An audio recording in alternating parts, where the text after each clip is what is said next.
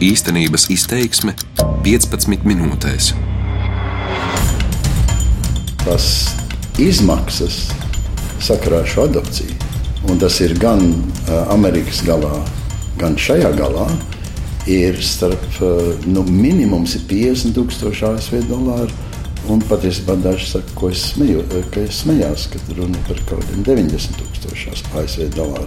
Un tad parēķiniet, ja mēs sūtām vairāk kā 100 bērnu, ātri pārēķināsim, cik miljoni kaut kur brīvi peld, ko attiecīgie cilvēki makšķerē.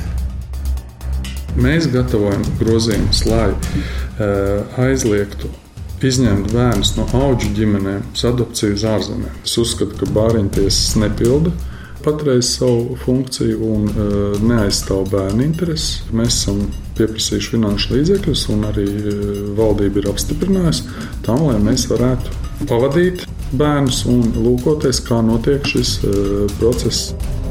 Pētot bērnu namu un bāriņtiesu sistēmu, Latvijas radio atklāja to, cik ienesīgs bizness noteiktu personu lokam ir bērnu adopcija uz ārzemēm.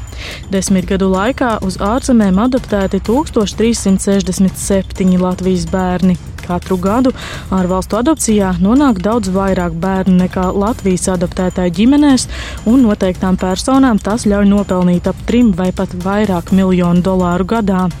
Latvijas radio atklāja bērnu pārdošanas schēmu un patiesos labuma guvējus.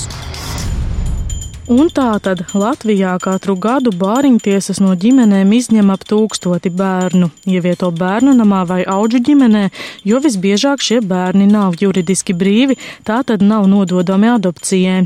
Latvijas adoptētājiem ilgi jāgaida rindā, par adoptējumiem bērniem viņi saņem bezpersonisku sarakstu, nav arī bērna fotogrāfijas. Latvijā akreditētas 15 ārvalstu aģentūras, kas piedāvā Latvijas bērnus internetā, divreiz gadā organizē izbraukumus uz Amerikas viesģimenēm, tā apējot adopcijas rindu. Kas ir patiesie labuma guvēji ārvalstu adopcijas schēmā, kurus iegrožot vēlas labklājības ministrs, mans vārds ir Vita Anstrate. Šogad Latvijā adoptēti 102 bērni, uz ārzemēm 61 bērns. Šis ir pirmais gads daudzu gadu garumā, kad vairāk bērnu mājas atraduši Latvijā, nevis ārpus tās. Lielu pretestību no pašvaldībām un citām trešajām pusēm jau saņēmis labklājības ministrs Jānis Rērs, kas aicina aizliegt uz ārzemēm adoptēt tos Latvijas bērnus, kas atrodas auģu ģimenēs. Izmaiņas likumdošanā saimā atradās jau iepriekš, taču uz priekšu nevirzījās un parādījās cerība tās pieņemt kopā ar nākamā gada valsts budžetu pagājušajā nedēļā, taču tas arī neizdevās. Šis jautājums tagad nonācis Saimas cilvēktiesību komisijas pārziņā. Vēsturiski adopcija uz ārzemēm ar lielu vērienu sākās 2000. gadu sākumā. Desmit gadu laikā uz ārvalstīm aizbraukuši 1367 Latvijas bērni. Ap to pašu laiku kā sēnes pēc lietus Latvijā reģistrējās ārvalstu adopcijas filiālis, atceras jurists Ālītis no zmannieku mājām. Eksports, bērnu eksports uz ārzemēm kas sākās nu, ar apgriezieniem 2004. gadā. Un, Un patiesībā Šlesera kungs bija tas, kas to pat pastiprināja un izveidoja par sistēmu. No patiesībā no Labklājības ministrijas arī viens, kas bija atbildīgs Labklājības ministrijā par adopciju, pats aizgāja no ministrijas, jo viņš redzēja zaļos laukus, veidot savu arī ārzemju filiāli šeit. Kādreizējais adopcijas nodaļas vadītājs Labklājības ministrijā Jānis Veinbergs ir persona, par kuru runā cēlītis. Vēl pirms trīs gadiem viņa vārds figurēja starp filiāļu kontaktpersonām, taču šobrīd vairs nē. Ārvalstu adopcija Latvijā ir atļauta atšķirībā no daudzām citām Eiropas valstīm. To savulaik izveidoja politiķi, atrunājot arī katra spēlētāju, bāriņtiesas ministrijas, bērnu nama un arī aģentūru lomu. Tolaik ministrs bērnu un ģimenes lietās bija Ainārs Baštiks, kas presē bieži saukts par oligārha Aināra Šlesera līdzgaitnieku. Vairāki avoti radio stāsta, ka tieši tādu uz aizdomu pamata par bērnu pārdošanu ārzemniekiem premjers Ainārs Repše izteica neusticību savam biedram Šleseram. 2004. gada janvārī Šlesers pameta ministru prezidenta biedra amatu un amatu pameta arī ministrs Baštiks. Šis kā iespējamais amata pamešanas iemesls tolaik tika minēts arī mēdījos. Mainoties valdībai un pie varas nākot Indulim Emsim, ar divu mēnešu pārtraukumu atgriezās arī Šlesers un Baštiks. Latvijas radio ar Šleseru sazināties neizdevās.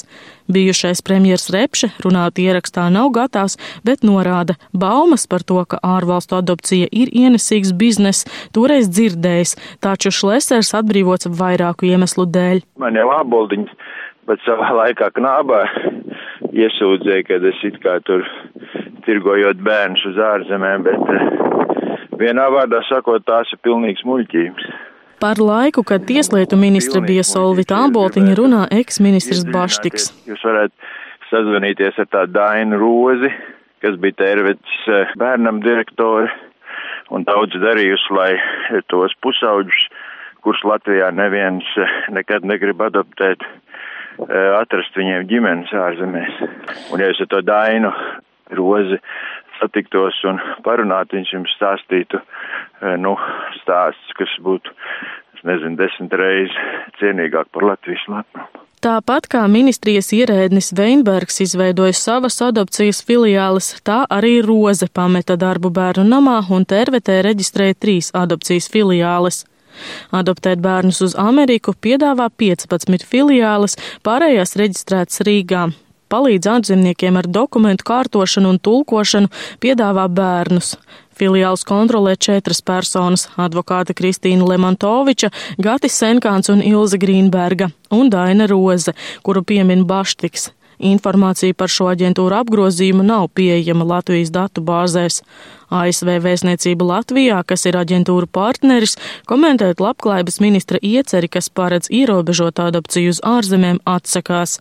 Pirms trim gadiem avīzei Diena vēstniecības konsuls apstiprinājis, ka šāds bizness Amerikā ir pilnīgi normāls. Sazvanām Dainu Rozi. Tā ir tāda netīra spēle uz bērnu rēķina Un tās ir tā kā tādas spalvas spodrināšana pirms vēlēšanām, un tas notiek pirms katrām vēlēšanām. Šo algu, ko es saņemu, to maksā ASV aģentūras un nevis Latvijā, bet es vēl par to maksāju nodokļus Latvijai. Protams, ka ir tulki, kas, kas strādā, un, un, un, un, bet principā, nu, es esmu pa lielam, es viena pati strādāju. Šī ir krastījuma septiņa?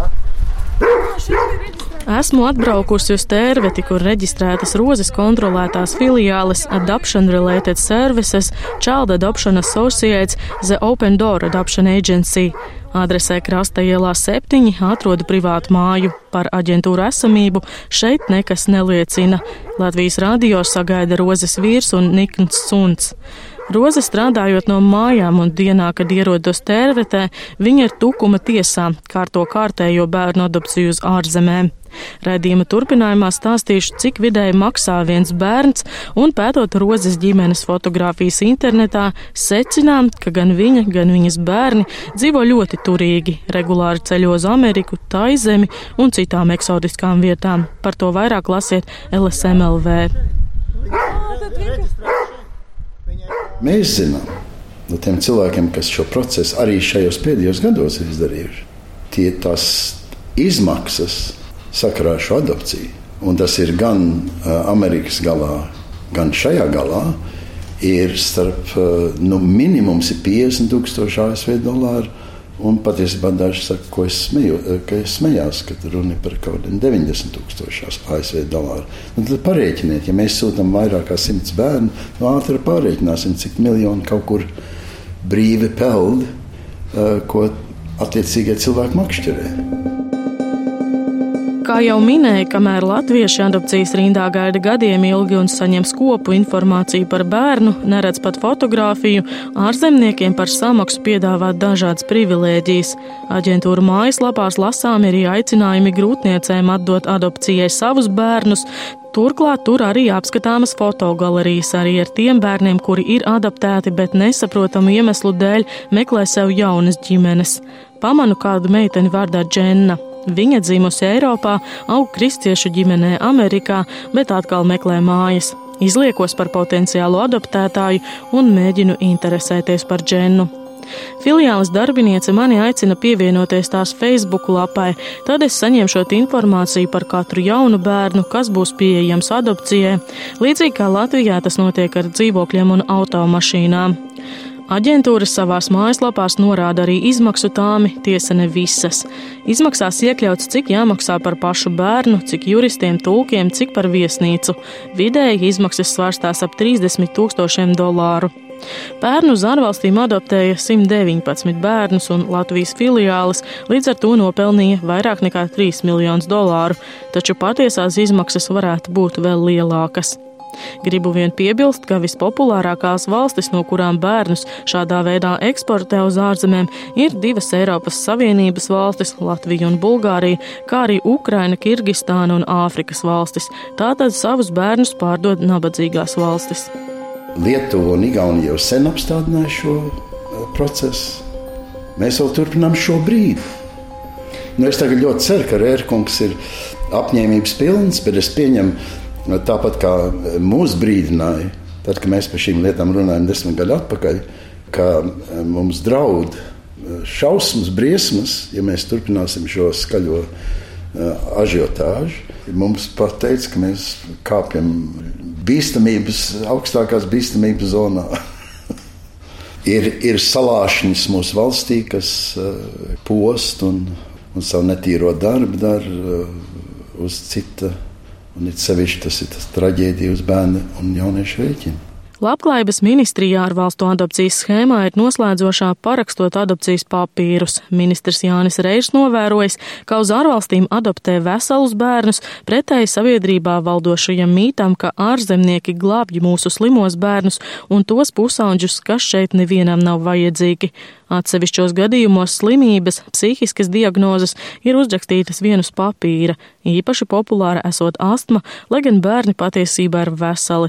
Radio neoficiāli stāsta vairāk informācijas avoti. Mēs gatavojam grozījumus, lai uh, aizliegtu izņemt bērnus no auģu ģimenēm uz adopciju uz ārzemēm. Es uzskatu, ka bāriņtiesas nepilda patreiz savu funkciju un uh, neaizstāv bērnu intereses. Mēs esam pieprasījuši finanšu līdzekļus, un arī e, valdība ir apstiprinājusi tam, lai mēs varētu pavadīt bērnus un lūkoties, kā notiek šis uh, process. Par adopcijas ierobežošanu jaunadēļ kārtējo reizi atsāks diskutēt Saimas cilvēktiesību komisijā. Gan adopcijas aģentūra pārstāvji, gan pašvaldības un to bāriņtiesas jau paudušas viedokli, ka par šo jautājumu trūcis diskusiju.